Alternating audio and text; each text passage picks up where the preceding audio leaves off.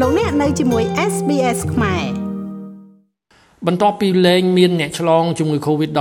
អស់រយៈពេល52ថ្ងៃគិតត្រឹមថ្ងៃទី27ខែមិថុនារួចមកស្រាប់តែនៅយប់ថ្ងៃទី28ខែមិថុនាឆ្នាំ2022លួនយរមត្រីហ៊ុនសែនបានប្រកាសពីករណីរកឃើញអ្នកឆ្លង Covid-19 នៅក្នុងប្រទេសកម្ពុជាឡើងវិញតាមលោកប្រមុខរាជរដ្ឋាភិបាលកម្ពុជា អ្នកឆ្លង COVID-19 ថ្មីនេះ ជាអ្នករស់នៅក្នុងសហគមន៍មាននៅច្រើនកន្លែងដោយរកឃើញទាំងការធ្វើតេស្តរហ័សនិងទាំងការធ្វើតេស្តតាមម៉ាស៊ីនធំ PCR ហើយក៏បានរកឃើញករណីឆ្លង COVID ទៅលើអ្នកដំណើរទើបចូលមកពីក្រៅប្រទេសផងដែរលោកច្រំត្រីហ៊ុនសែនបានប្រកាសដូចនេះតាមរយៈសារជាសម្លេងបន្ទាន់មួយផ្សព្វផ្សាយកាលពីយប់ថ្ងៃទី28ខែមិថុនានៅក្នុងថ្ងៃនេះ យើងបានសង្កេតឃើញអំពីការចាប់ផ្ដើមឆ្លងឡើងវិញ នៅ COVID-19 នៅក្នុងនោះយើងបានរកឃើញអ្នកដែលឆ្លងក្នុងសហគមន៍តាមរយៈនៃការធ្វើតេស្ត PCR មួយចំនួន អ្នកធ្វើតេស្ត PCR សម្រាប់ធ្វើទម្រង់បែបបត់ចេញទៅក្រៅប្រទេសមួយចំនួន និងមួយចំនួនទៀតគឺអ្នកដែលបានវិលត្រឡប់ពីក្រៅប្រទេស ចូលមកក្នុងប្រទេសវិញ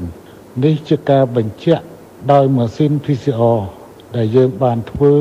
សម្រាប់អ្នកឆ្លងក្នុងសហគមន៍អ្នកមកពីក្រៅប្រទេស និងអ្នកធ្វើវិញ្ញាបនបត្រសម្រាប់ការចេញទៅក្រៅប្រទេសទន្ទឹមនឹងនោះខ្ញុំប្រកាសណាខ្ញុំបានទទួលព័ត៌មានថានៅតាមទីកន្លែងមួយចំនួន ក្នុងការធ្វើតេស្តរហ័សក៏ឃើញវិជ្ជមាននៃ COVID-19 ដូច្នេះអាចសន្មត់បានថា COVID-19 វាចាប់ផ្ដើមឡើងវិញទោះបីនៅក្នុងចំនួនតិចក៏ដោយចុះហើយអាការៈ មិនតាន់ធ្ងន់ធ្ងរក៏ដោយក្រៅពីប្រកាសដូចនេះលោកនាយរដ្ឋមន្ត្រីហ៊ុនសែនក៏បានប្រកាសណែនាំទៅដល់អាជ្ញាធរសមត្ថកិច្ចជាពិសេសក្រសួងសុខាភិបាលត្រូវចាត់វិធានការបន្ទាន់ដើម្បីទប់ស្កាត់ការឆ្លងរាលដាលជំងឺ Covid-19 នៅកម្ពុជា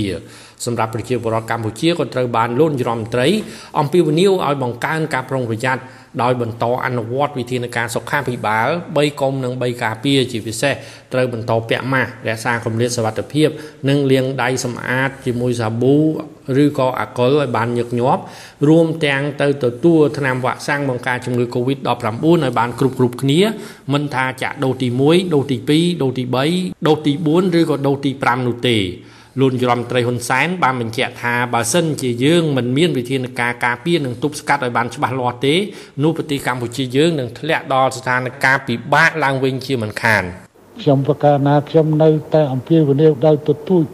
ដើម្បីសូមឲ្យបងប្អូនជនរួមជាតិដែលមិនតាន់បានទទួលវ៉ាក់សាំង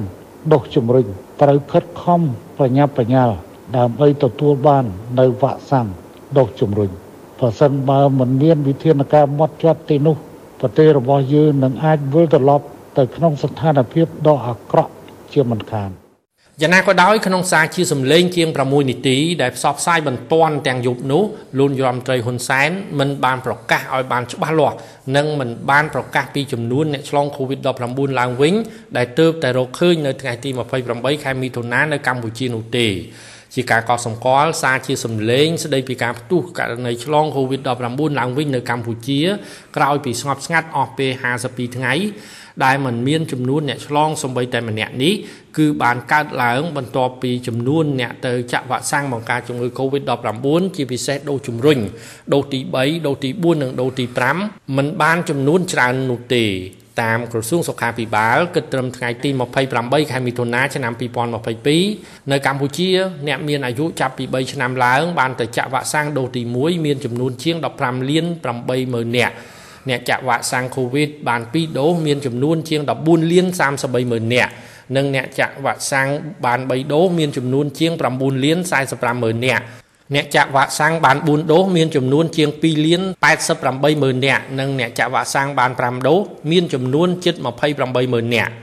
ដោយសារតែចំនួនអ្នកទៅចាក់វ៉ាក់សាំងដូសជំរុញដូសទី3ដូសទី4និងដូសទី5មានចំនួនតិចនៅឡើយដូច្នេះទើបមានអ្នកខ្លះលើកឡើងថាសារជាសម្លេងរបស់លោកនាយរដ្ឋមន្ត្រីហ៊ុនសែនដែលបានប្រកាសពីការឆ្លងឡើងវិញនៃជំងឺ Covid-19 ខាងលើនេះដើម្បីឲ្យប្រជាពលរដ្ឋកម្ពុជាទៅចាក់វ៉ាក់សាំងឲ្យបានច្រើនតែប៉ុណ្ណោះ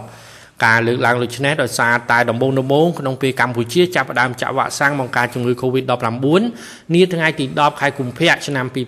2021គឺមិនសូវមានអ្នកទៅចាក់វ៉ាក់សាំងច្រើននោះទេសម្បីតែមន្ត្រីរាជការមន្ត្រីជួរមុខនិងក្រុមគ្រូពេទ្យក៏ដោយ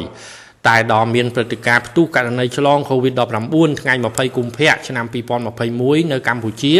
ទើបមានអ្នកសម្រុកទៅចាក់វ៉ាក់សាំងរហូតដល់ប្រជាគ្នានិងដណ្ដើមគ្នាចូលទៅចាក់វ៉ាក់សាំង យ៉ាងណាក៏ដោយគិតមកដល់ថ្ងៃទី28ខែមិថុនាឆ្នាំ2022នៅកម្ពុជាមានអ្នកឆ្លង COVID-19 សរុបចំនួនជាង136,000នាក់និងមានអ្នកស្លាប់ដោយសារជំងឺ COVID-19 ចំនួន3056នាក់ខ្ញុំម៉េងផល្លា SBS ខ្មែររាយការណ៍ពីរាជធានីភ្នំពេញចុច like share comment និង follow SBS ខ្មែរនៅលើ Facebook